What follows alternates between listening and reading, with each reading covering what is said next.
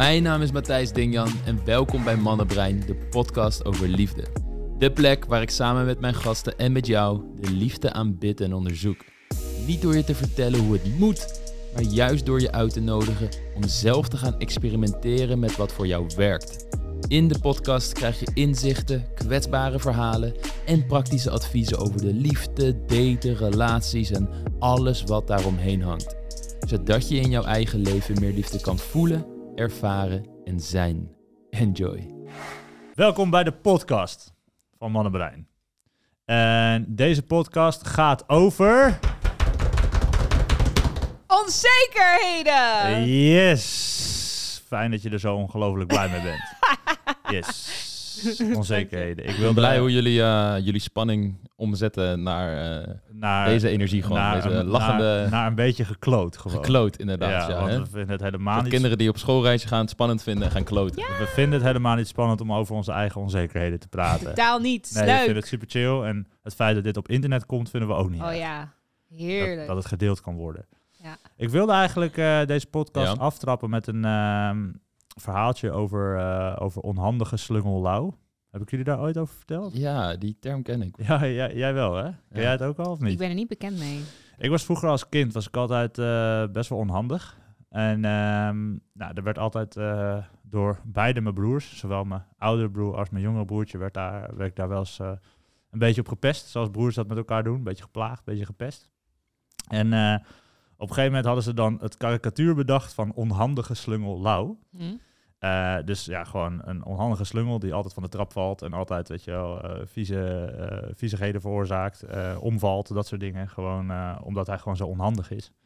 En tot op de dag van vandaag, als ik dan iets moet doen, wat een bepaalde vaardigheid is, zoals bijvoorbeeld inparkeren, en ik merk dat er mensen naar me zitten te kijken, of ik moet borden een soort van uit de keuken gaan halen, en ik merk dat ik geobserveerd word, dan kan dat me heel erg onzeker maken. En voel ik me nog steeds altijd een beetje onhandige slungel lauw Mm. de Oké. dag van vandaag. Hm. En dat is een mooi voorbeeld hoe dingen uit je jeugd eh, dus nog steeds meegenomen kunnen worden naar het eh, ja, hedendaagse leven. En dan moet ik zeggen dat onhandige slungellouw over het algemeen dan in mijn datingleven en in mijn liefdesleven nou ja, soms eigenlijk ook wel omhoog komt.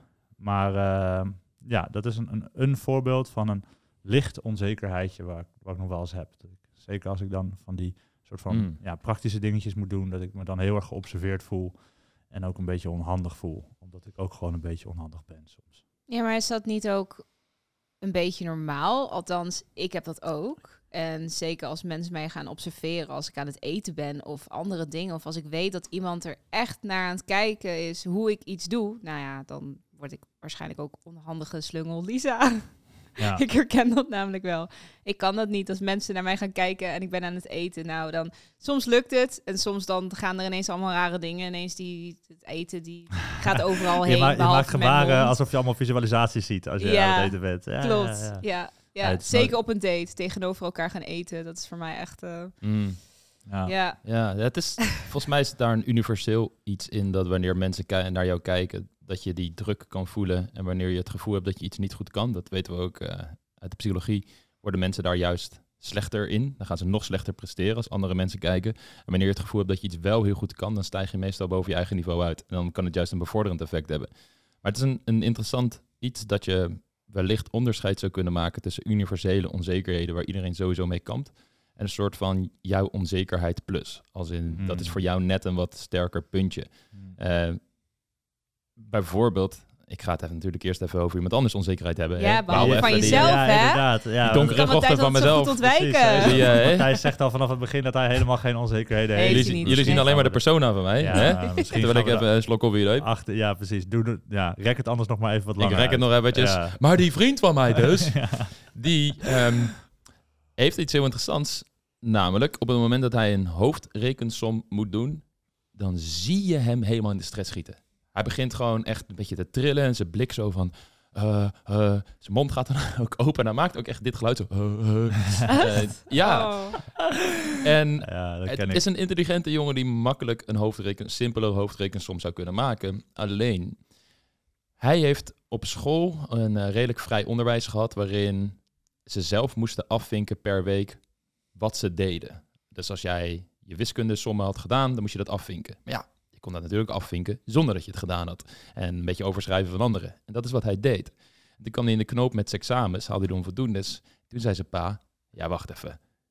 Jij komt bij mij en ga je bijles krijgen. En toen moest hij de hele tijd ehm, bijles krijgen van zijn pa, die nog wel een ongeduldig tintje kon hebben.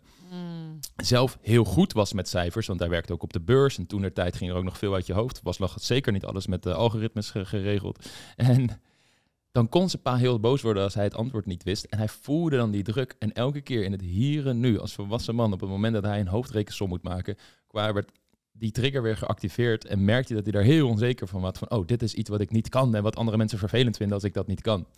En eh, ik denk dat dat dus iets is, als ik naar mezelf kijk, ik moet een hoofdrekensommetje doen en het is lastig. Ja, ik kan echt wel druk voelen van mensen. Ik kan me daar op dat moment niet heel zeker over voelen. Maar het is nog niet een onzekerheid plus. Dat je denkt van, oeh, dit is een soort extra iets waar ik meer mee worstel. En, eh, en ik denk dat dat een, een, een hele interessante is. Dat iedereen in dit leven zijn eigen onderwerpen pakt waarop hij zich extra onzeker kan voelen. En dan ga ik het toch over mezelf Ik hebben. wou En net ik zie zeggen, zo kijken. dus Matthijs, eh, leuk al dat eh, gepraat, maar Ja, eh, Ik vertel, ontkom er niet aan, hè? vertel. Nee, ik, vind, eh, ik vind het echt niet erg, hoor. Ik vind het Ehm, helemaal niet erg. Eh, ja, ik heb veel ook na zitten denken over het feit van... Ja, waarom ben ik überhaupt ooit datingcoach geworden? En waarom was dit onderwerp voor mij dan zo interessant? En waar ik achter kwam is van ja, eh, op iemand afstappen die ik niet kende. En dan met mannen viel het wel mee. Dat ik vaak op mannen afstapte, maar gewoon op een vriendschappelijke manier was het allemaal Wel op een vriendschappelijke manier, hè? Ja, Ja. maar zodra ik ehm, bijvoorbeeld uitging of op school een meisje zag die ik, dat- wat ik dan spannend vond en eh, waar, die ik wel wilde ontmoeten, dan voelde ik daar altijd een gigantische onzekerheid. En dat zat hem in meerdere aspecten. Het zat hem in het feit van haar directe reactie op mij, maar ook op hoe ik mezelf zag. Als in, ik had het beeld van, nou, ik ben een best een sociale jongen, eh, ik mag er best zijn. En als ik dan een afwijzing zou krijgen, wat zou dat dan met mijn zelfbeeld doen? Dus het is eng om dat te testen aan de in jouw beeld van jezelf, te testen aan de realiteit. Precies. Afwijzing was voor mij mijn brandstof van mijn passie. Dus voor mij was dat geen enkel probleem. De brandstof van je Van passie. passie ja. Afwijzing, brandstof van je passie. Ja, ja, dat vond ik een mooie quote. Die heb ik ooit ergens gehoord. In Ah, een eh, show van Hans Theeuwen, volgens mij. Dus eh, dat, oké. dat wilde ik even Die gooi je er even in. Ja, die wilde ik even, Mooi. ja, precies. Ja, En dan zeggen we mooi en gaan we weer door. En wat Ja. mooi. Lekker, lekker, lekker, lekker, lekker genieten Fijn, van doe dit afwijzingen. eh, vooral vaker. Ja. Ja, dat zou ik doen. En, en nog de soort van rolidentiteit die je aanneemt binnen een groep. Met vrienden. Ik heb bijvoorbeeld één vriend die super los. En eh, ik zal nooit vergeten, een moment, we waren wat ouder. En toen begon dit bij mij te dagen. Waarom dit voor mij eh, onzekerheid was. Maar ook hoe dit allemaal in elkaar hing. En hoe ik het zelf in stand hield. Ik weet nog goed dat we op een terrasje zaten, ergens op vakantie. En hij zei, eh, hij heeft een bijnaam. En hij zei, het is tijd voor de bijnaam, zeg maar. Toen stond hij op en ging hij een praatje maken met twee dames die verderop zagen. En dat past ook, de reden dat ik het vertel, is dat het past binnen het beeld dat wij hadden van, hebben van hem binnen de vriendengroep. Hij is de gast die dat doet. Dus zijn identiteit versterkt ook de actie. En als jouw rol als het ware niet per se dat is, maak je, is het ook nog extra eng om opeens een nieuwe identiteit aan te gaan nemen binnen die Mhm. groep, omdat mensen er weer op gaan reageren. Mhm. En dat speelt zich allemaal af in jouw hoofd. En dat maakt jezelf dan extra groot. Want elke man vindt het eng om op, op vrouwen af te stappen. Maar bij mij was het iets extra's. Ik vond het extra interessant. En wat mij bijvoorbeeld minder uitmaakte, was bijvoorbeeld ehm, eh, carrière. Als in wat voor baan ik uiteindelijk zou krijgen. Of eh, geld verdienen. Of, of dat soort zaken. Terwijl ik weer vrienden heb. Voor wie dat hun grote onzekerheid is. De carrière die ze daarna willen jagen. En de identiteit die ze daar weer aan ontlenen. En noem maar allemaal. Maar wat was dan, eh, om het concreet te maken, wat was dan waar je zo bang voor was? Was je bang om af te gaan? Was het bang om, om raar gevonden te worden? Wat voor gedachten had je daarbij? Een mix dus van meerdere facetten. Zeker om af te gaan in de directe reactie van iemand.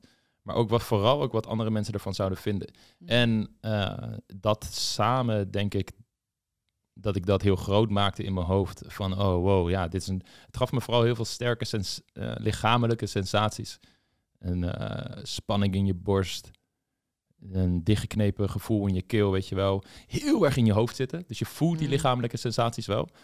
Maar je bent niet meer in contact met je lichaam. Dus het is een soort van dat er SOS-signalen doorkomen. Maar je kan moeilijk in je lichaam zakken. Mhm. En toen de tijd, daar heb ik het nu echt wel over dat ik tiener was, begin twintig jaren. ehm, snap je dat soort dingen sowieso veel minder. Want ja, heel mijn middelbare schooltijd ging over het hoofd en alles wat je daarmee kan. Mhm. En af en toe was er wel sport, maar dat was iets losstaand van het hoofd. En het was zeker niet dat daar natuurlijk een verbinding tussen was, wat aan ons eh, niet werd onderwezen. Maar eh, ja, dus afwijzing het was een, een grote. Ehm, de confrontatie met je eigen identiteit, van het beeld dat je voor jezelf ook probeert groot te houden. Mhm. En eng om dat te gaan testen. Want als je iets niet doet, kun je altijd jezelf voorhouden. Ja, maar als ik er echt voor zou gaan, Dan kan ik het dan kan ik het wel. En dat Ja, hoor je de hele tijd van mensen op verschillende gebieden. Van, eh, weet je wel, ik zou waarschijnlijk, ik heb echt wel dingen te vertellen. Ik zou een eigen YouTube-kanaal moeten vinden. Of ik zou dit, ik zou dat. goed kunnen, ja. ja, Ehm, ja, ja. En dan kom je altijd op die quote uit van, ja, je, je moet er oké mee zijn om een fool te zijn voordat je een meester kunt worden. Ik ben even het Nederlandse woord voor fool kwijt. Dwaas, misschien een goed woord. Ja, ja. Ja. een soort beginner Beginner, ja. Een soort beginner zijn voordat je meester kan worden. Ja, en eh, ik denk dat dat bij mij me dus heel erg tegenhield. Ook omdat ik mm, dat niet bij, voor mijn gevoel bij mijn identiteit paste. En dan krijg je daar allemaal rationalisaties en gedachten omheen, waardoor je dat niet eh, moest doen. Wat voor mij uiteindelijk voor nodig was, was dat ik mezelf in een nieuwe omgeving ging plaatsen waar mijn identiteit nog blanco was. Dus ehm, ik Hm. bes- besloot gewoon van ja, met mijn vriendengroep is, vind ik het te lastig om als ik met hun uitga, om een soort van die nieuwe identiteit aan te gaan nemen en opeens dat helemaal te gaan veranderen. Mhm. Ja, dus ik ging me gewoon omringen met mannen die meer met datingadvies bezig waren, met wie ik op persoonlijk niveau, het zouden niet mijn beste vrienden worden, maar ik kon wel gewoon een soort van de schoonheid van hun persoonlijkheid inzien en gewoon met ze chillen, een goede connectie maken, plezier hebben. Maar eh, dat hielp me in ieder geval dat zij mannen waren die hier veel mee bezig waren. Geen verwachtingen van mij hadden. Dus ik kon makkelijker daarin meegaan. En een soort van toestaan dat ik daar ehm, nog heel erg als leraar, leerling in wilde staan. Mhm. Ehm, en dan ga je jezelf vaker in bepaalde situaties plaatsen. Bij mij was het dus vooral het aanspreken en plezier hebben met iedereen, maar vooral vrouwen tijdens het uitgaan, maar ook overdag. En naarmate je vaker in dat soort situaties komt, bouw je een nieuwe identiteit omtrent datgene wat je graag, waar je graag goed in wil worden. Eh, en eh, je wordt daardoor meer competent. En die competentie leidde uiteindelijk tot meer zelfverzekerdheid. Omdat je, eh, het is minder onbekend en het gaat passen bij je identiteit. En je, als je dan terugkomt met je vrienden, dat hoe het voor mij dan was, ehm, was het makkelijker om dat te doen wat dus eigenlijk mijn authentieke kern altijd al ingaf. Van hey, volgens mij zit daar iets moois voor jou. Gewoon het plezier maken, het contact maken, het mensen ontmoeten. Eh, ja, dus dat. Mooi, Hmm. mooi verhaal. Ja, ik ben dan toch wel benieuwd of het... Het is natuurlijk altijd lastig om daar in hindsight wat over te zeggen, maar of dat ook kan binnen een bepaalde omgeving. Dus stel dat je dit ook had gedaan nog binnen die Mhm. vriendengroep. Ja, want misschien, ik, ik, is even de vraag van oké, dat, dat, dat voorbeeld van nou, op stap gaan en mensen aanspreken. ehm, eh, hoeveel mensen zich daarin herkennen die nu meeluisteren. Maar nou, ik kan me voorstellen dat er in iedereen die meeluistert bepaalde vriendengroepen heeft, of bepaalde kringen he- heeft waarin hij of zij zich bevindt. Ehm, en of je ook binnen die, die groepen ook dit soort dingen kan doen. Of dat jou bijvoorbeeld, als je erover na had gedacht, eh, ook zou zijn gelukt, denk je.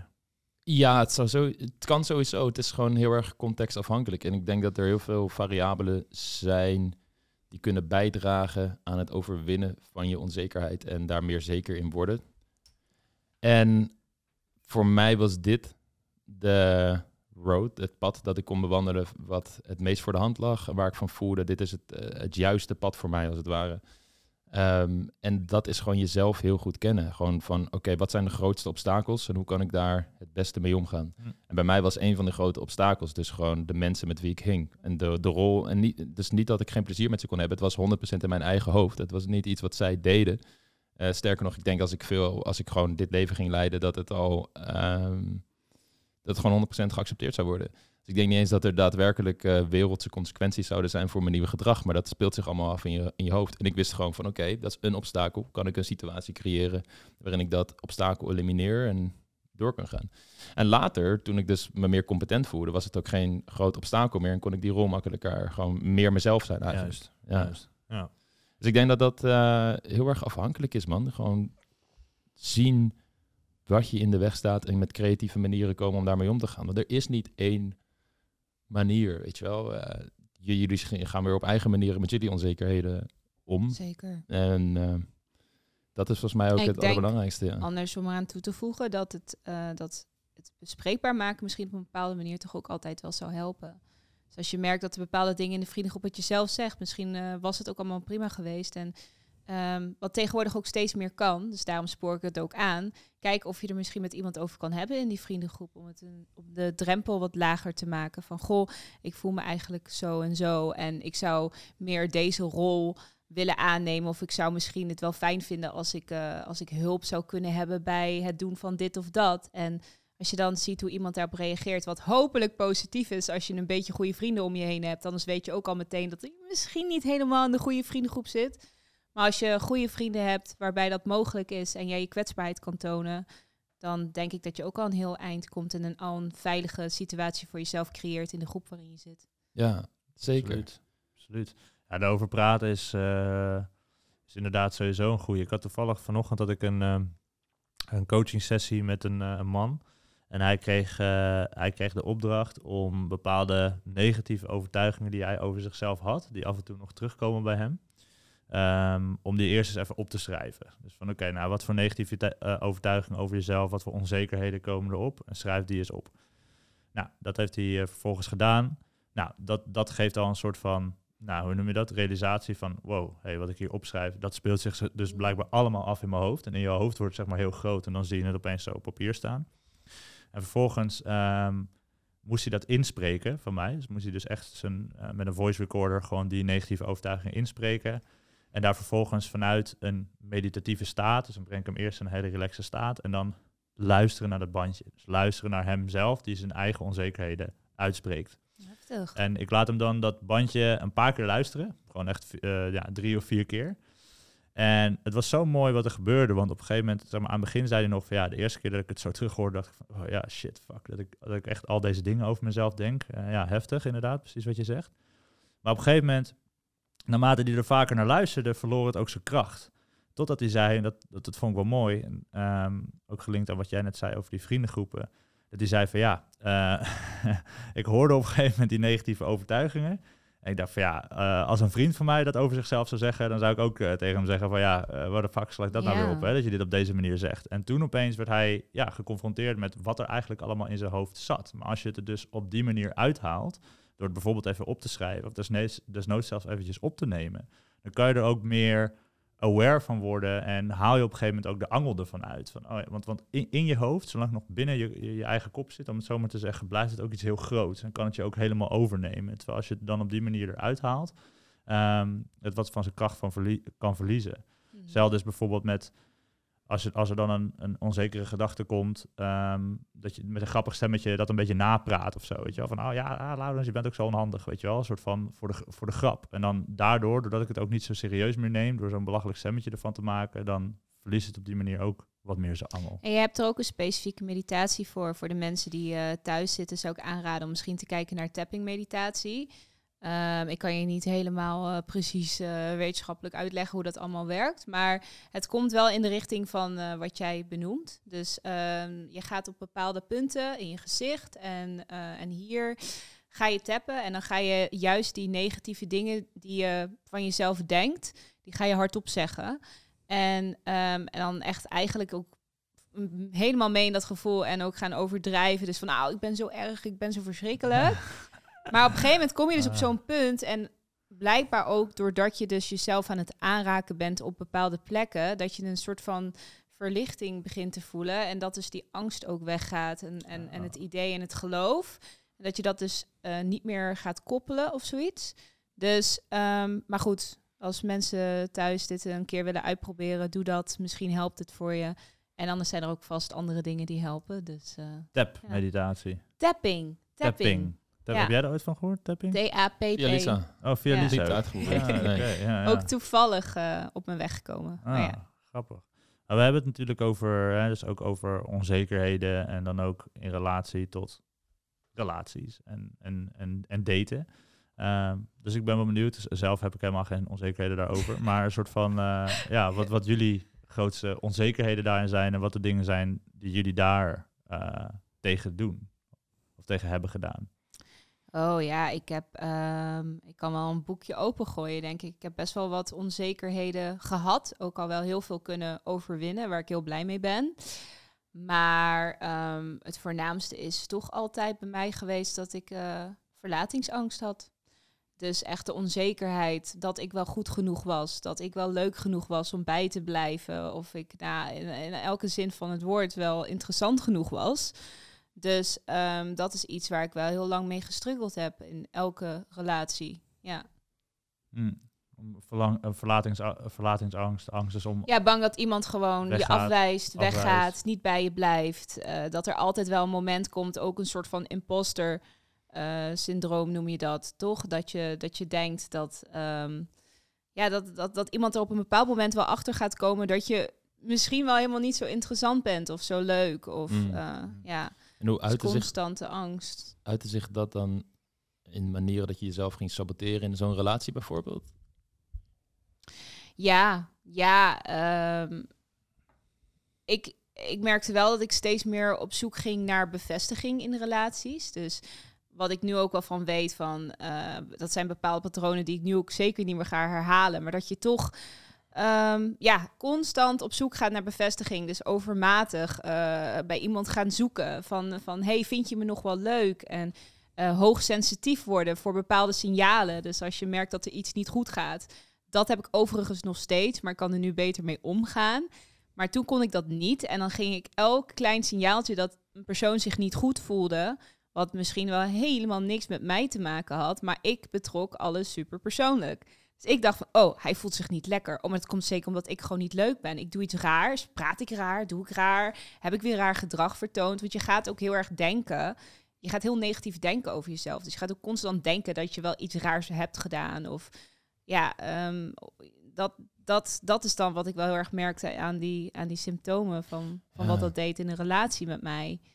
Dat is boeiend, hè? Als in op een soort meest fundamenteel diep niveau maakt die bevestiging zoeken niet zo goed uit. Want dan, als het echt goed zit, als je jou en je partner helpt je daarbij, kun je daar gesprekken over voeren, kan daar heel veel heling in plaatsvinden.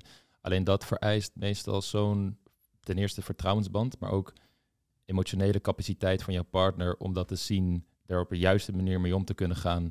En uh, jij die dat ook weer aan kan nemen en daar ook daadwerkelijk verbetering in laat zien. Dat dat niet per se altijd direct hoeft, dat je in ieder geval samen het gevoel hebt dat je kunt groeien, bijvoorbeeld, wat voor veel mensen een belangrijk iets is, uh, want dat noemen ze aan de relatie werken. Mm. Um, maar tegelijkertijd op een wat oppervlakkiger niveau is het ook hetgene wat je daad, ook daadwerkelijk minder aantrekkelijk maakt. Op het moment dat je meer bevestiging zoekt, wat Zeker. weer de self-fulfilling prophecy in stand houdt van, oh, ik ben inderdaad een imposter, want zie je, hij gaat bij me weg of het gaat niet lekker of hij vindt me te onzeker. Waardoor de... En je wordt te veel afhankelijk ook van wat andere mensen van je vinden en denken. En, en ja. uh, dat is mooi wat ik dan had geleerd. Dus je, je krijgt een soort van... Uh, ik, ik begreep mezelf nooit. Ik dacht altijd van, er moet wel iets geks bij mij zijn. Want altijd als ik niet in een relatie was... of ik was niet te veel bezig uh, met jongens op bepaalde momenten... dan kwam er een soort van rust over me heen. En leek het ook alsof ik ineens allemaal andere inzichten kreeg. Mm. die even niks met relaties te maken hadden. En dan zat ik eigenlijk ook het lekkerst in mijn vel. Maar op het moment dat ik iemand leuk begon te vinden. Dan, dan kwamen er zoveel negatieve gedachten in mijn hoofd. Dat ik ook echt tegen mijn vrienden zei: van ik snap niet waarom jullie het zo leuk vinden om verliefd te worden. Ik begrijp dat gevoel niet. Want mm. bij mij maakt het mijn hoofd gewoon gek. En nu weet ik dat ik dus eigenlijk op dat moment heel erg in een geactiveerd uh, hechtingssysteem zat. Dat, dat uh, betekent dus dat iemand bepaalde dingen bij mij triggerde die eigenlijk al zeiden van hé, hey, die persoon heeft misschien een vermijdende hechtingstijl of sluit in ieder geval niet aan op de behoeftes die jij hebt. Ja. Alleen, daar komt dan weer het andere. Ik voelde mezelf op dat moment überhaupt niet goed genoeg om te weten wat dat mijn behoeftes er ook toe deden. Dus ja, het is best wel lastig om dan goed je grenzen aan te geven. En ook duidelijk te stellen van nou, dit is wat ik nodig heb. En ik, ik ben niet gek, alleen jij past gewoon niet bij mij. Dus je gaat het proberen, proberen. En nog meer proberen om het van de ander te halen wat je nodig hebt, wat niet lukt. En uiteindelijk ja, zal je altijd falen op zo'n moment. En dus weer horen, je bent niet goed genoeg en het ligt aan jou. Je zit nu in een relatie. Hoe ga je daar nu mee om dan? Heb je, herken je die gevoelens of is je relatie tot die onzekerheid veranderd? Um, Nee, ja, ik zit nu sowieso wel echt in een, een veilige relatie voor mezelf. Een die ik tot nog toe eh, niet op deze manier heb mogen ervaren. Dus daar ben ik heel erg blij mee. Ehm, en wat ik nu heb, is dat mijn behoeftes eh, met mijn vriend nu, die zegt ook tegen mij van je behoeftes zijn niet gek. Dus als ik het gevoel heb van, oh, misschien vraag ik wel te veel, dan, dan ziet hij dat hij vangt dat heel, heel haarfijn op. En dan zegt hij, nee, je, eigenlijk, je behoeftes zijn niet gek. En, en als je je emotioneel voelt om iets, dan is dat oké. En als je je grenzen wilt aangeven, dan is dat oké. En dan, dan kunnen we er samen over praten. Dan maken we het bespreekbaar. En op die manier voel ik ook dat ik meer de veiligheid heb in de relatie om mezelf te laten zien, om mezelf te ontplooien. En op dat moment doet hij al iets waardoor ik niet in dat geactiveerd hechtingssysteem kom. Dus ik heb al heel snel, oh, alles is oké. En ik durf ook al sneller tegen hem te zeggen van, joh, vandaag voel ik me gewoon een beetje onzeker. En dat hoort er dan ook wel bij dat ik heb geleerd om echt open te zijn. Dus ook echt kwetsbaar te zijn. Dat ik tegen hem kan zeggen van, nou, ik voel me nu toch een beetje onzeker dat je bijvoorbeeld uh, alleen met een vriendin afspreekt. Dat komt niet snel voor, maar dat zou kunnen. Als in dat ik me daar onzeker over voel. Maar dat komt omdat hij al heel snel kan zeggen van...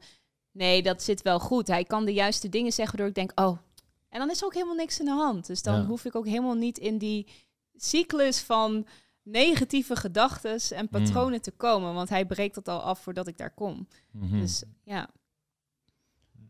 Ja, dat is... Als het ware heb je mede dankzij deze relatie en alle informatie daarna natuurlijk afgelopen jaren heb opgezocht en de eerdere ervaringen, ben je het concept van veiligheid in een relatie steeds scherper aan het stellen. Zodat je daar ook steeds meer gevoel bij krijgt, steeds meer intuïtie bij krijgt, hoe dat van moment tot moment eruit ziet, waardoor je het op een gegeven moment ook zelf kan creëren door op een andere manier ermee om te gaan. En volgens mij is dat uh, is een partner daarbij vinden die al voorbeelden laat zien van veilige hechting, van op een emotionele, afgestemde manier met jou omgaan, is alsof je elke keer een soort mini-masterclass krijgt van veilige hechting. ja, die je dan weer een klein puzzelstukje geeft van de totale puzzel mhm. van veilige hechting. Maar ja, ik kan, me, ik, kan me wel, ik kan me wel voorstellen dat uh, er misschien ook wel sommige mensen denken, of althans, het ging ook even door mijn hoofd, nu ik jou dat hoor zeggen van, het is heel fijn dat je dat zo op deze manier kan ervaren met, uh, met uh, jouw vriend. Mm maar, maar vind maar zo iemand. Hè? Dus vind, maar zo, vind maar zo iemand die ook dus zo uh, zelfreflectief is en iemand jou daar zo goed bij, bij kan assisteren ook. En in mijn optiek, um, tuurlijk, zijn, tuurlijk zijn die mensen, hè, die, die zijn er zeker. Ik zeg niet van, oh, er zijn er maar heel, heel, heel weinig. Maar ja, hè, wat we natuurlijk ook in de coaching aan mensen meegeven, als jij met je eigen patronen, met je eigen staf aan de slag gaat, ga je ook mensen eerder aantrekken die dat ook uh, doen en die ook communicatief vaardiger zijn, bijvoorbeeld in dat soort dingen. Maar dan, dan zit er dus toch eigenlijk, zoals ik het hoor, ook een stap voor dat je die partner vindt, Zeker. waarin het ook uh, een kwestie is van ja, eigen, aan je eigen onzekerheden gaan, gaan werken. En ja, ik ben benieuwd hoe je dat voor jezelf hebt gedaan. Hetzelfde geldt natuurlijk ook voor, voor Matthijs, hoe je het eigenlijk bij de bron al, al aanpakt voordat die mhm. partner er überhaupt is. Nou ja, um, het heeft mij heel erg geholpen uh, uh, dat ik uh, bij jullie heb, ben gaan werken. Dat graag heeft gedaan, voor mij, graag alsjeblieft. Ja. gedaan. dankjewel, bedoel ik. Nee, dus dat heeft mij al heel veel inzichten gegeven. Daarnaast ben ik wel al echt best wel lang bezig met de spiegel voor mezelf te houden. Dus um, echt gaan kijken van hoe ben ik in relaties, hoe sta ik in het leven, wat zijn mijn sterke punten, wat zijn mijn zwakte punten. Um, en constant maar die confrontatie aangaan. Wat natuurlijk niet altijd uh, even prettig is, maar uh, wel iets is wat ik altijd zelf heel belangrijk had gevonden. Dus zijn er bepaalde trauma's die je moet verwer verwerken. Um, hoe, hoe gedraag je in relaties? Waarom gaat het stuk?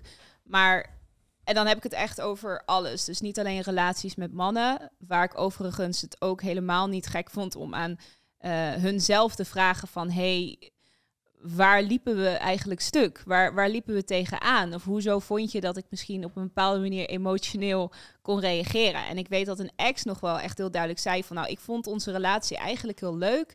Maar je reageert soms zo ontzettend emotioneel. En toen is er iets bij mij gaan rollen van oké, dat herken ik wel. En toen ben ik weer naar alles gaan kijken van hoe zit het dan in mijn omgeving? Ook voor mij heel belangrijk geweest. Eh, heb ik goede voorbeelden gehad? Eh, zie ik misschien dat mijn moeder zich op een bepaalde manier gedraagt, neem ik dat over? Eh, zie ik dat mijn vader zich op een bepaalde manier gedraagt? En ja, eigenlijk constant gaan onderzoeken van waar komen die patronen en die overtuigingen vandaan. En, en, en daar een soort van ehm, kern uithalen. En de kern was eigenlijk nog steeds van ik ben niet goed genoeg. En vanuit daar reageer je op een bepaalde manier. En dan weet je van, oh, dat is iets waar ik aan moet gaan werken. Dat, dat gevoel van dat, dat ik ben niet goed genoeg. Dat is iets uh, wat een soort van doel gaat worden van hoe kan ik dat veranderen. Mhm. En sinds ik dat heb, sinds ik, sinds ik dat heb gedaan, ehm, ja, merk ik wel een enorm verschil in mijn leven. En daardoor ook de manier van communiceren en mezelf leren kennen en mezelf kunnen uitleggen.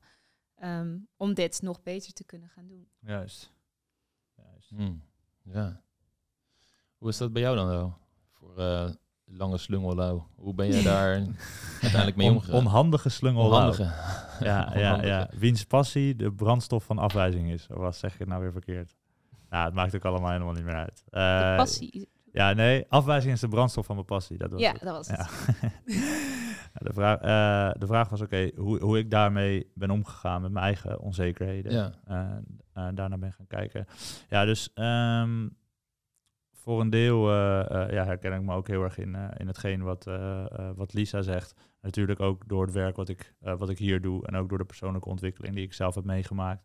Dat ik ook echt ben, ben gaan kijken van, hey, waar, waar komen bepaalde dingen vandaan? Dus bijvoorbeeld, dat voorbeeld van onhandige Sungel Lau een beetje een soort van...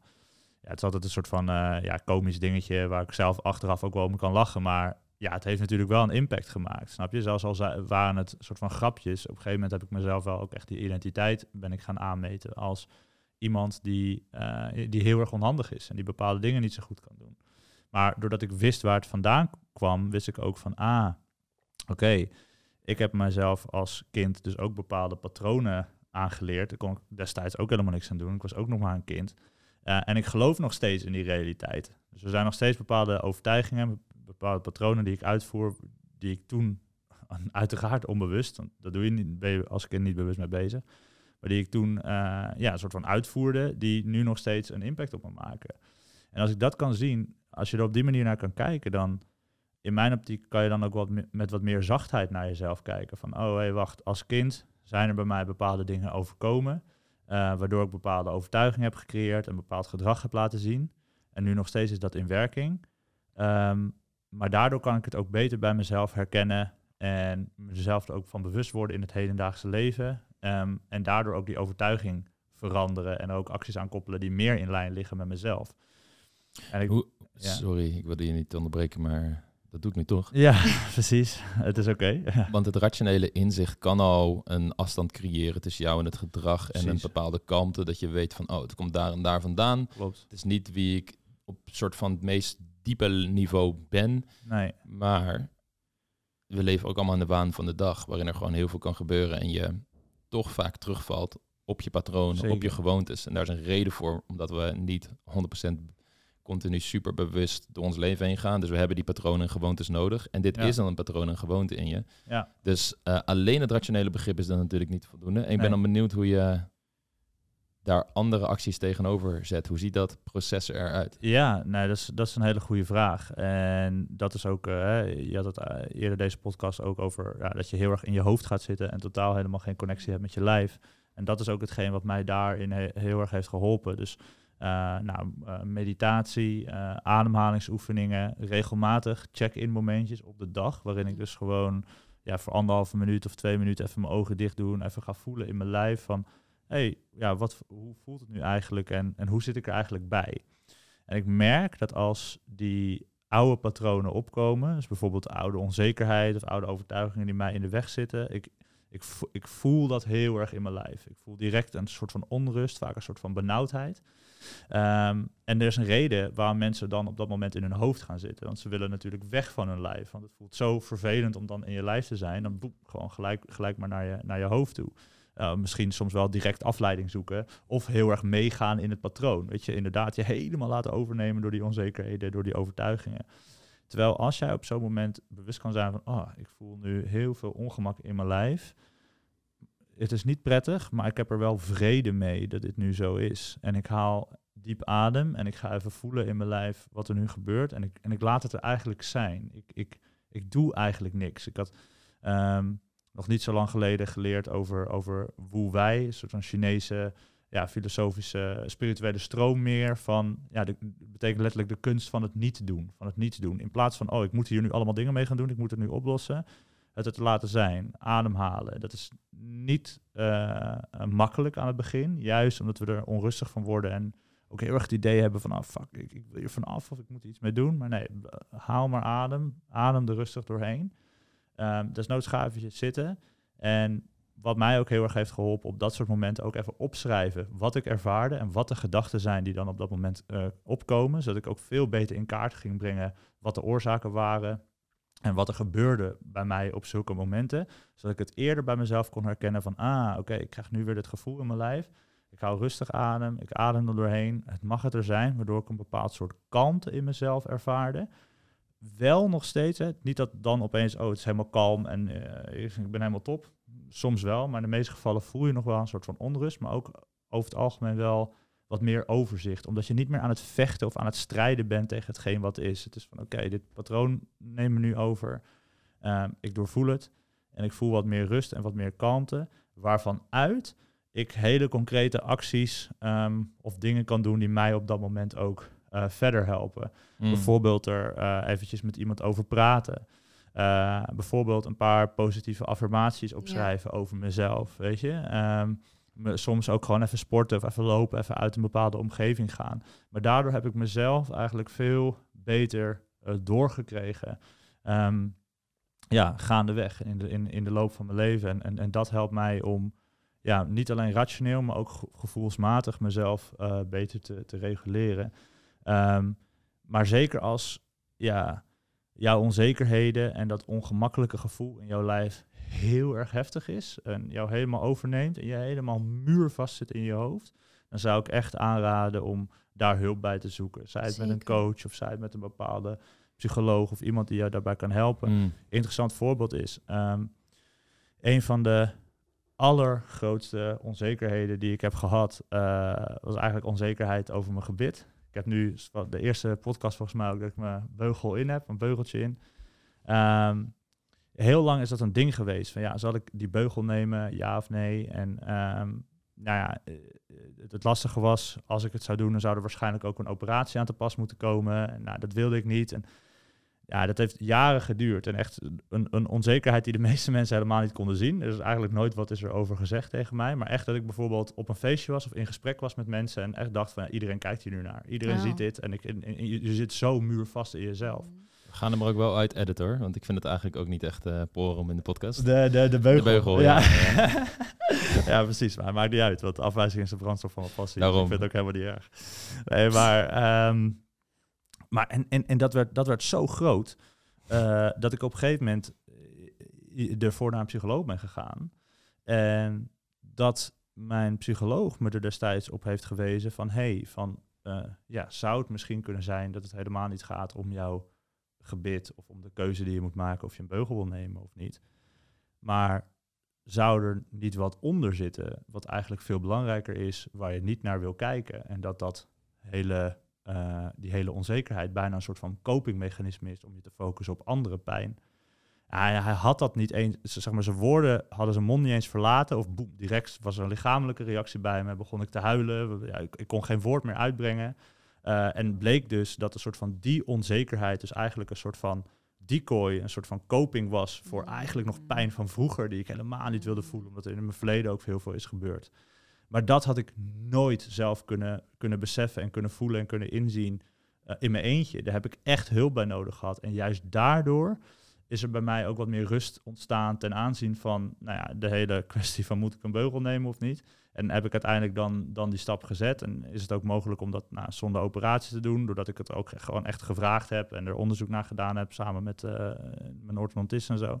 Maar eerst, eerst kon dat gewoon niet, want, want ik zat nog helemaal stijf van alle onzekerheid en helemaal vast in mezelf. En ik heb altijd gedacht, en, en, en dat, is een, dat is denk ik een, een, ding waar heel veel mee, uh, mensen mee zitten. Ik heb altijd ja, ook een onbewuste gedachte, maar gedacht van ja, ik ben de enige die dit heeft en dit is een soort van mijn kwaal en ik moet het maar zelf helemaal gaan oplossen of zo. Ik moet hier zelf maar gaan uitkomen. Terwijl Mm. ten eerste, ja, als je dan met gaat praten, dan kom je erachter van wow, andere mensen hebben ook dit soort onzekerheden. Bijvoorbeeld Zeker. ook lichamelijke of fysieke onzekerheden. eh, die, die mij dan nooit zijn opgevallen, weet je wel. Van, oh ja, iemand is onzeker over zijn eh, gewicht of zo. Of is onzeker over zijn lijf. Terwijl ik dan denk, ja, het ziet er prima uit. Dus dat, dus dat helpt dan al om er überhaupt ook over te praten. En ook om, om je te beseffen van, ah, wat fijn dat, ja, gek genoeg, wat fijn dat iedereen onzekerheden heeft. En dat je het niet allemaal in je eentje hoeft te dragen. En dat je er hulp voor kan zoeken. En dat dat ook heel erg, eh, heel erg goed kan werken. En als dat lastig is om meteen professionele hulp te zoeken, dan haak ik in. eh, kun je ook allerlei forums eh, bezoeken. Altijd wel mee uitkijken met welke informatie daar natuurlijk op wordt gegeven. Maar het is wel vaak zo dat je online ook mogelijkheden eh, kan vinden. waardoor je niet meteen naar een huisarts hoeft eh, om eh, een eh, doorverwijzing te krijgen. Of eh, waardoor je toch meteen eh, in contact kan staan met iemand die met jou erover praat, anoniem. Dus eh, daar kun je altijd iets mee doen, dat is fijn. Absoluut. Absoluut. Ja, zolang ja, je dus inderdaad in ieder geval maar die, die intentie hebt van oké, ik heb deze onzekerheid en ik vind het heel erg lastig. eh, maar desondanks ehm, ga ik er met mensen op een constructieve manier ook over praten om er iets aan, aan te doen. En met constructieve manier bedoel ik dus dat je het erkent, dat je kan doorvoelen wat er met je aan de hand is. Eh, en dat je erover kan praten op een manier die bijvoorbeeld oplucht. En dat je tegelijkertijd jezelf ook nobel opstelt in de zin van... Ja, ik, ik heb deze onzekerheid en ik wil er, iets, ik wil er ook iets aan Mhm. doen. In plaats van botweg gezegd alleen maar over zeiken. Of er heel erg in blijven hangen. Of dat soort dingen. Dat, ja, kom voor alles- ook niet ver mee. bestaat ook uiteindelijk wel een oplossing, ben ik van mening. Voor de meeste Eh, dingen wel, ja. Sommige dingen zijn inderdaad misschien wat meer oppervlakkig, al wat sneller als jij gewoon onzeker bent over je lichaam en je wilt in ieder geval fitter worden. Ja, dan, dan helpt het niet om dat inderdaad iedere keer weer op een familiefeest te gaan zeggen van oh nee, ik ben zo, voel zo onzeker. Nee, precies. Maar ja, je kan wel meteen dan denken van oké, ik voel me onzeker, maar ik ga nu actief eh, wat meer eraan doen. Ik ga misschien eh, wat gezonder eten of, of, of een leuke sport beoefenen meteen die ik ook echt leuk vind. Of, Ja, dus en, dat, en, is, en, dat en, is wel fijn. En, en zeg maar, hè, dus, dus eh, om de nuance aan te brengen van de, over, de overpraten, dat mag. Hè, dit, is, dit is helemaal niet eh, verboden, maar, maar dus in ieder geval op een manier die dus ook helpend voor jou zelf Zeker, is. Snap ja. je? Het- ik vraag me af als jij met een bepaalde onzekerheid zit en je bent constant dat soort van over andere mensen aan het uit- uitstorten en eigenlijk een soort van aan het wegkwijnen in een soort van zelfmedelijden daarover. Eh, ja, eh, vraag jezelf dan ook af van oké, maar help ik mezelf hier ook echt mee? En ik denk dat dat in veel gevallen niet het geval is. Nou ja, en wat ook heel vaak is, wat ik dan ook terugzie eh bij mensen die ik spreek, is dat sommige mensen het zelfs een soort van lekker vinden om over bepaalde dingen te zeuren. Die ze misschien niet eens menen, maar dat ze dan iedere keer wel weer opmerkingen hebben over: Oh, mijn leven is zo rot en ik voel me zo vervelend en ik voel me niet fit en ik voel me niet dat. Maar eigenlijk merk je gewoon dat die mensen er helemaal niks mee willen en dat ze het gewoon zo heerlijk vinden om om, om de aandacht te krijgen over het feit dat ze aan het zeuren zijn. Dus daardoor is het ook al voor jezelf. Waar komt die motivatie vandaan om constant te zeuren? Gaat dat wel echt over dat Mm. lichaam of over iets anders? Of is er nog meer een, een andere achterliggende motivatie die eigenlijk bang is om geen aandacht te krijgen? Of bang is om niet in het middelpunt te staan? Of, Absoluut. ehm, dus dat is ook wel belangrijk om te gaan onderzoeken. Absoluut. Ja, ja nee, dat, eh, daar, ben ik het, eh, daar ben ik het helemaal mee eens. Mm. Ja. hey, ben je er nog, Matthijs? Of, eh, Nou ja, Diep in een rabbit hole van filosofische gedachten. Ja, ja, ja, ja, dat, ja, dat heb je wel eens. Hè. Dat vind ik ook altijd wel grappig als we dan dat soort gesprekken hebben. Zie, ik zie jou zo nadenken. Zo over, ah, maar ja, ik was, ja, sowieso ben ik ook benieuwd naar je rabbit hole van, eh, van gedachten. Maar ook, Emily, eh, ja. ja, maar ook over eh, ja, dus, dus hè, de manier hoe jij dus zelf met je eigen onzekerheden omgaat. Ook ten aanzien van wellicht, ik weet niet of je, nou trouwens, ik, ik weet het wel, want we hebben het er wel eens over gehad, maar ook voor de mensen die nu luisteren, fysieke onzekerheden heb gehad. eh, die wellicht ook ja, relevant zijn voor mensen die meeluisteren, omdat ik me voor kan stellen, ook zeker nu met zoveel online dating en Tinder en al dat soort stuff, dat het soort van het uiterlijk ehm, ja, een best wel grote rol heeft gekregen. En dat iedereen wel op bepaalde momenten onzeker kan zijn over zijn of haar uiterlijk. En ja, het is altijd wel interessant om te kijken van nee, dat soort onzekerheden. Ja, hoe ga je daar ook mee om? Zeker als je ook een coach bent. In Mm. jouw geval. eh, kijk, Ja. je hebt leuke krulletjes en een mooie kaaklijn, weet je. Dus daar, daarover niks te klagen. Interessant. Nou, dat is bij mij niet eh, per se een grote onzekerheid geweest of wat dan ook. Mijn uiterlijk was, was ik eigenlijk altijd wel content mee. Nooit veel ehm, mee bezig geweest vanuit een gevoel dat het beter moest of niet goed genoeg was. En ja, ik weet niet. En ook als ik bijvoorbeeld andere mannen zag die ik heel knap vond of, of heel eh, volgens de maatschappij een soort eh, Adonis zijn, ehm, dan kon ik het bijna een soort bewonderen als een schilderij in een museum. Van ja, dat is nice of zo. Het is mooi, maar het is niet iets van dat ik dat mis of dat ik Mm. eh, dat dat mijn leven eh, aanzienlijk beter zou maken. Het zou me gewoon een, weer een andere ervaring geven waarschijnlijk. ehm. Eh, maar ja, nee, dat is voor mij nooit echt een, een, een grote issue geweest. Ik ben wel bij mezelf ook gaan inchecken, omdat ik bijvoorbeeld een periode had dat ik heel veel naar de gym ging. Van oké, van, vanuit welke energie doe ik dat? Maar ehm, eigenlijk meer vanuit het experimentele van kijken hoe ver ik mijn lichaam ook kan ontwikkelen. Wat ik interessant vond. Ik had gewoon bepaalde doelen zoals 100 kilo bankdrukken en 90 kilo wegen en nou, bla bla bla. Ehm, maar voor mijn gevoel heeft er nooit een onzekerheid in gezeten. Want dat heb ik nu al vier, vijf jaar niet meer. Ik ga een stuk minder de andere sporten gaan doen ook en zo. En het heeft niks veranderd met mijn zelfbeeld, merkte ik. Eh, dus dat is wel een, eh, ja, een, een interessante. Maar waar ik net in de rabbit hole mee zat, was...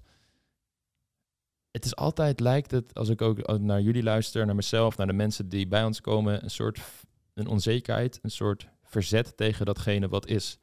En er zijn natuurlijk hele pragmatische dingen die je kunt doen om datgene wat is te veranderen naar iets anders. Maar op een soort fundamenteel niveau is het ook gewoon oké zijn met wat is. En ehm, vanuit een andere energie dan aan die onzekerheid gaan werken. Puur omdat het gewoon misschien wel een interessant iets is om daarin te groeien. Waardoor je er heel veel druk van afmaakt. En dit is een heel makkelijk, rationeel gedachte, filosofisch spelletje wat je kan spelen. Maar ik weet het, in de praktijk is het gigantisch lastig, want dan komen er opeens emoties bij. En zijn het niet alleen maar deze woorden die me over mijn lippen heen rollen. Maar dat is ook, wel als je weer teruggaat naar het lichaam, volgens mij. Is dat je dan jezelf en jouw zijn, om het zo maar te noemen, weer in lijn brengt met gewoon datgene wat is. Van, oh ja, terug naar mijn lichaam. Ik ben er gewoon. Ik ben een soort bewustzijn, zoals een Eckhart Tolle dat zou noemen. En eh, ik hoef me niet te verzetten tegen mijn directe realiteit. Het is allemaal oké, welke keuze ik ook ga maken. Voor jou, of je nou eh, je beugel neemt of niet. Weet je wel, je, je, gaat oké zijn. En ik denk dat als mensen dat gevoel bij zichzelf kunnen ontwikkelen van ja, welke levenskeuzes ik ook ga maken, eh, ik ga, het gaat allemaal goed komen. Ik ga oké zijn, ik kan met de realiteit omgaan en er zijn genoeg mooie momenten om het, eh, om het leven te vieren. Ja. Ik denk dat dat ook zeker in balans moet zijn. Ehm, en, maar wat je zegt vind ik heel mooi en herken ik ook wel. En dat is dat eeuwige aan jezelf willen werken. Omdat je denkt dat, je, dat er overal, als je naar alles gaat kijken, kan alles wel een verbetering worden van Ja. jezelf. Je bent nooit uitgeleerd, je bent nooit knap genoeg, je bent nooit leuk genoeg, macht, machtig genoeg of, of noem maar op. Ehm, en zeker eh, met het idee van sommige dingen dat ben jij gewoon. En daar is helemaal niks mis mee. Sterker nog, Mhm. andere mensen zien dat misschien zelfs wel als een enorme kracht. En eh, wat dat betreft eh, blijf ik ook geloven in zelfvertrouwen. Is wat dat betreft je, je allermooiste bezit. Eh, laat je stralen. En ik denk dat als jij jezelf eh, op die manier ook accepteert met je, met je flaws erbij. En ook weet van nou dat is iets wat inderdaad niet per se veranderd hoeft te worden. En wat is zoals het is. En je zet je allermooiste glimlach op, dat iedereen naar je kijkt en je alsnog ontzettend bewondert. Zelfs met die prachtige mooie mond van je. Ja, maar dat is wel een hele interessante gedachte, omdat je natuurlijk ook zoveel tegenhoudt, onzekerheden, om een, gewoon de rijkheid van het leven zelf te ervaren. Je gaat jezelf een rem aanpraten die er niet hoeft te zijn. Het kan voor sommige mensen sociale situaties zijn, het kan in de liefde zijn, in relaties zijn met eh, fysieke dingen waar je bijvoorbeeld mee worstelt. En eh, dat blijft volgens mij eh, een van, ja, in ieder geval bij mij wel een van de dingen waar ik het meeste aan heb gehad, was heel vroeg in mijn leven kom ik aan aanraken. Ik ben The Seven Habits of Highly Effective People van Stephen Covey. En het hele concept van de cirkel van invloed en de, de circle of concern die daar dan buiten hangt. En dat je eigenlijk alleen maar op wil focussen op dingen waar je directe invloed op hebt en alles daarbuiten, zoals het weer, noem maar op, wil je gewoon vrede mee hebben. Uh, dat is volgens mij sowieso al wat je leven een stuk chiller gaat maken, zodat je ook minder gaat klagen over allerlei staf, puur voor het klagen, want je hebt er toch geen invloed op. Laat het lekker. En uh, vertel een leuke anekdote of maak een grap of voeg een, een, andere energie toe. Maar tegelijkertijd kun je dat doortrekken ook van ja, um, ook heel veel dingen in je eigen leven waar je wellicht wel directe invloed op hebt, betekent niet dat je altijd maar die invloed moet uitoefenen omdat je anders je potentie niet benut of mhm. je mm, minder bent dan je buurman die wel datgene doet wat, je, wat jij misschien ook wel wil. Uh, en waar, dan kom ik ook altijd weer terug bij van uh, oké zijn met het dwaas zijn voordat je ergens goed in gaat worden. Nu een, een kennis van mij, ik, ik raakte met hem aan de praten en hij vertelde dat hij een podcast wil starten. En het was zo van ja, nou, doe het. Gebruik mijn onze apparatuur. Doe het. Weet je wel, ga beginnen. Uh, maar ja, maar waar moet ik het dan ook? Ik weet niet of het wel goed genoeg gaat zijn en zo. Van ja, dat weet ik ook niet. Maar de enige manier dat je er goed in gaat worden is als je het in ieder geval gaat doen. Yeah. En uh, dat is zo makkelijk voor mij om dan te zeggen tegen hem. Van ja, weet je wel, doe het gewoon, maakt niet uit. Um, maar voor hem is dat weer precies die onzekerheid die hij in zijn, in zijn hoofd helemaal heeft opgeblazen. En al die dingen die ik zag met het aanspreken van een vrouw in een club, ziet hij bij het maken van een podcast met al die, al die verschillende zaken. En uh, ja, het, volgens mij is het enige antwoord daarop heel veel dingen die we besproken hebben, namelijk opschrijven waar die onzekerheden vandaan komen, met andere mensen gaan praten, je gedachten gaan observeren en allerlei andere prachtige tools die jullie beiden tentoongesteld hebben en waar jullie het over gehad hebben. En dat is volgens mij ook een beetje um, het cirkeltje van het leven. ja, en ik hoop ook het eh, misschien ook. Uh dat, dat kwam er bij mij uh, in op. Ook het wat minder oppervlakkig maken van waar je zo zorgen over maakt. Qua, ik, ik ja, zie ook om me heen veel mensen constant klagen over bepaalde uiterlijkheden. Maar dan denk ik, ja, dat is uiteindelijk niet het mm. probleem. Ik kan jou nu 20.000 keer zeggen dat je prachtige lippen hebt, waar ik overigens ook helemaal geen zin in heb. Want dat, dat, dat, dat, dat ja, heeft een soort van negatieve aantrekking als je dat constant maar gaat vragen. Dus uh, vaak zeg ik tegen die mensen ook wat nog belangrijker is, is toch weer dat je bij jezelf teruggaat van waarom moet je dat de hele tijd vragen? En het gaat niet over je uiterlijk. Dat is uiteindelijk echt niet het belangrijkste. Als je eerst van binnen gaat zoeken, nogmaals, en je gaat daarna pas naar buiten en je straalt iets op een bepaalde manier omdat je iets voor jezelf hè, uh, van binnen hebt kunnen helen, dan, dan denk ik dat je daarom meer mee bent geholpen dan dat je zegt van ik ga even een uh, lipfiller halen en uh, al die andere gekkigheid van tegenwoordig.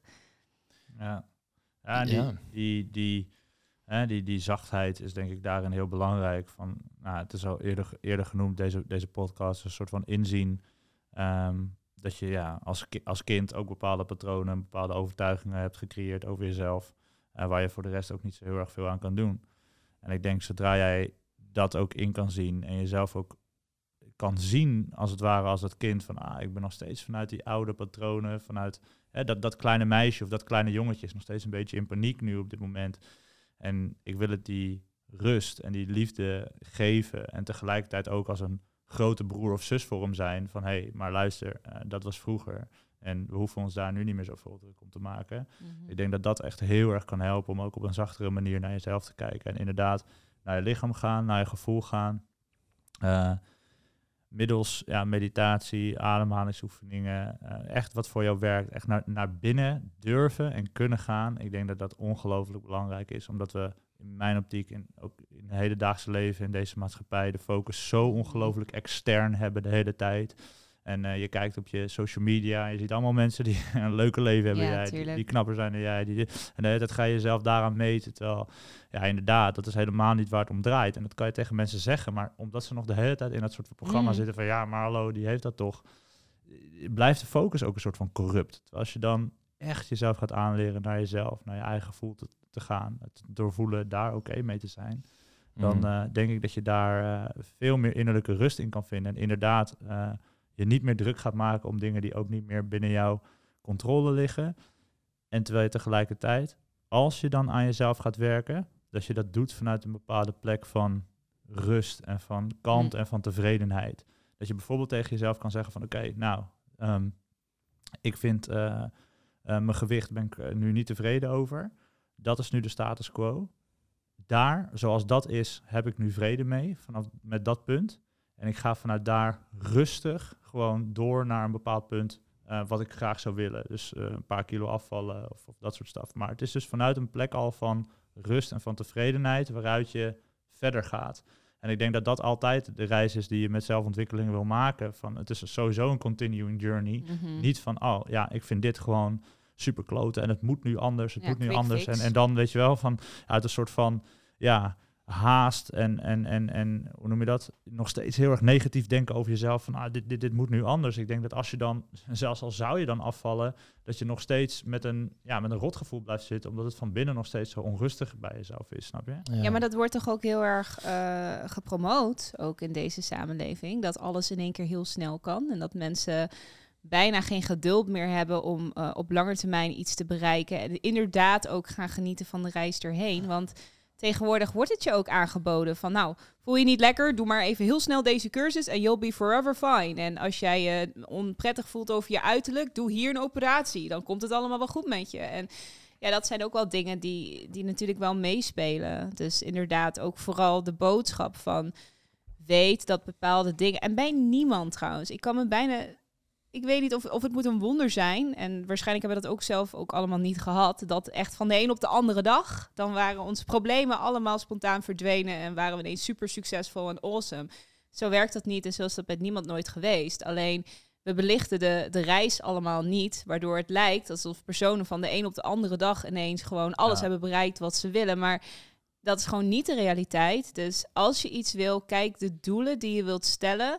In hoeverre ze eh, bereikbaar zijn. Want sommige dingen ja, kunnen misschien ook gewoon echt lastig worden voor jou als persoon. Maar kijk wat voor jou mogelijk is. eh, hoe lang je er voor jezelf aan wilt besteden om te kijken waar dat jou brengt. En, eh, en ben gewoon realistisch. En, en durf de tijd erin te stoppen en de liefde te geven. Om, om ervoor te zorgen dat je daar komt. En denk niet alleen maar op korte termijn wat je nu nodig hebt. Maar ja, Nee, nee. En grappig genoeg kun je dan tot dezelfde acties komen. Ik zat te denken toen jij het woord lipvullers gebruikte van... Ik ken veel vrienden die een haartransplantatie hebben gedaan, weet je wel. En ik zou denken, ja, als ik kaal word, ja, ik zou dat waarschijnlijk wel doen. Maar niet per se, misschien ook wel niet, maar misschien... Waar het vooral om gaat is dat het niet komt omdat van, oh, als ik dat niet doe, is het niet eh, goed of ben ik niet goed. Eh, of en als ik, maar meer van, het kan als ik een soort objectief kijk naar eh, haar, kan het voor veel vrouwen in aantrekkelijk zijn, iets zijn bij een man. En het hoeft niet eens bijvoorbeeld dat je, bijvoorbeeld een vriend van mij, die heeft zichzelf alsnog kaal geschoren omdat zijn haar nog steeds te dun is, ondanks zijn haartransplantatie, om een soort van volle bos haar te doen. Maar hij vindt dat zelf gewoon prettig en zijn vriendin vindt het mooi en, en noem maar op. En dat, dat kan dat je dan nog steeds die realisaties hebt en denkt van ja, het maakt me misschien voor sommige vrouwen aantrekkelijker. Daarom doe ik het. En omdat ik het zelf wellicht ook mooi vind. Zonder dat het per se een onzekerheid is. Dus volgens mij kun je nog steeds inderdaad tot bepaalde acties komen die niet gedreven worden door onzekerheid, maar meer gewoon van ik zie hoe de wereld werkt en dit kan een interessante keuze zijn voor mij om te maken om bepaalde uitkomsten die ik de moeite waard vind na te streven.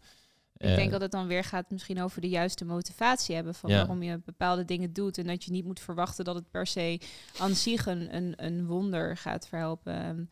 Wat jij zegt, of eh, gaat teweegbrengen. Wat je zegt, ben ik het ook volledig mee eens. En wat ik inderdaad vooral bedoel is, kijk, als je dat wil, met die, met die lipfillers zo, en ik wil nu echt helemaal niet God spreken voor mensen die dat doen. Sommige mensen is het hartstikke mooi, maar waar het mij meer om gaat, is dat er Mhm. vaak eh, vaker nog iets anders eh, achter zit. En dat dit meer een soort van quick fix was van, ja. oh, ik doe dat nu, want dan ben ik ineens mooi en waarderen mensen mij. Maar dat gebeurt niet. Dat bestaat niet op die manier. Maar als je denkt van, nou, ik vind het mooi voor mezelf en ik weet dat het geen wonderen gaat verrichten, maar ik vind het gewoon mooi. Ja, doe dat lekker. Dan, Mhm. dan is het een andere motivatie. Ja. Vanuit, Ja. vanuit welke plek komt het? Dat is heel Mm. belangrijk. Wat is je intentie? En, en vanuit welke plek? En ook mooi wat je zei over, eh, over van ja, van soort van van de buitenkant lijkt het misschien heel wat, maar weet je, het is ook niet alles. Je wil ook wel kijken waar iemand ook vandaan is gekomen. Misschien dat jij dat ook wel herkent, maar ik krijg ja, regelmatig als ik bijvoorbeeld eh, eh, nou, dan op stap ga of met feestjes ben, dat bijvoorbeeld vrienden, nou, die geven me hele toffe complimentjes van, ah, Lau, je bent altijd zo sociaal en weet je, wat kan je dat er goed en het gaat je allemaal zo makkelijk af en dit en dat. Uh, maar dat is echt lang niet altijd zo geweest. En het feit is ook gewoon dat ik Mm. Ehm, natuurlijk ook hè, om coach te worden voor Mm. zowel mannen als vrouwen. Ik zo vaak op stap ben geweest. En dus ook inderdaad heel vaak ben afgewezen. Ook me vaak in ongemakkelijke sociale situaties heb, eh, heb bevonden. Eh, heel vaak met andere mensen, met cliënten ook op stap ben geweest. Zoveel uren daarin heb gestoken. Dat een soort van ja, dat het me nu makkelijker afgaat. Dat dat een product is van ook het harde werk waar ik erin heb gestoken. En daar ben ik ook super trots op. En ik ben heel blij met mijn leven, ook met mijn sociale leven zoals hij is. Maar je hoort soms ook bij sommige mensen, hoor je ook ja, niet alleen bewondering, maar ook een beetje venijn. Van, ah, het gaat je allemaal zo makkelijk af. Terwijl, hé, ja, ik ben er ook niet mee geboren of Nee, zo, snap je? En dat is zo makkelijk om, om, om dat te zeggen van, van de buitenkant. En hetzelfde geldt bij celebrities of, eh, of, of mensen die je op Instagram ziet of zo. Van, oh, die heeft het allemaal voor de wind. Maar ja, je hebt geen idee ook. En het maakt ook helemaal niet uit. Van, focus maar gewoon op jezelf. Hè, wat Jordan Peterson ook zo mooi zegt, van vergelijk jezelf met de persoon die je gisteren was, in plaats van dat je jezelf met anderen vergelijkt. Vind ik nog, ja, daarin een hele mooie truth om, eh, om te onthouden. Zeker. Absoluut. Ehm, ik merk dat eh, mijn eh, angst heel erg eh, groot wordt, omdat we steeds dichter bij grotere onzekerheden van mij komen. Dus ik denk dat het tijd is om de podcast gewoon af te ronden. hè? Precies, precies. Ja, ja, ja, ja, ja. ja. Volgens mij eh, was ja, het er ja, wel. Ja, ja, ja. Gewoon, we gaan over jouw onzekerheden praten. en dan gewoon, we, we knallen deze podcast er gewoon uit. Ja, precies. Ja, ja, nee, ik ja. wil jullie echt ontzettend bedanken voor jullie openheid in deze in ieder geval. Het is, het is grappig, want we kwamen gewoon snel op dit onderwerp van hey, dit voelen we alle drie. Laten we het gewoon doen. Dus er was niks voorbereid van oh, je kan dit vertellen of wat dan ook. Het is gewoon van Nee. jij gaat gewoon zitten en het komt wel. Ehm, ja, en ik vond het heel fijn. Ik denk dat het goed is om ehm, dit vaker in de toekomst te gaan doen. Ja, Gewoon dit soort onderwerpen aansnijden. absoluut. Ja, misschien Ja. ook wel mooi om, eh, om aan toe te voegen dat als mensen mochten mensen zijn die, eh, die luisteren en die dan toch nog eh, over bepaalde dingen vragen hebben of misschien nog zelf tips Absoluut. nodig hebben, aarzel niet om contact met ons op te nemen via Ja. Mannenbrein. Eh, want we helpen mensen graag en eh, Ja. we delen Drop een graag like in de comments. ervaringen. drop een like. in de Ik bedoel, drop een comment in de comments. Drop een comment. Oh ja, Ja. je kan inderdaad ook nog eh, onder de video een eh, reactie achterlaten. Dus, eh, Voor de mensen op YouTube. Oh, de mensen op YouTube, ja, inderdaad. inderdaad. Het wordt op meerdere platforms eh, uitgezonden. En de volgende keer gaan we jou gewoon even lekker op de snijtafel leggen hier. Hè? Vind ik fijn. Gaan, gaan we eens even alles aan jou vragen. Van, eh, ja, alle onzekerheden. Ik heb, ik heb het gevoel dat er nu bij mij een soort eh, karikatuur is geboren. Lau. Ja, we hebben het vaak bij andere mensen, maar dat nu de, Ja, de, de, de Matthijs van de onzekerheden. Ja, helemaal geen onzekerheden. de persona. Ja, ja, precies. Awesome. Nou, dat was hem. Dank jullie wel. Ja. Oké, hoi hoi, mazzel.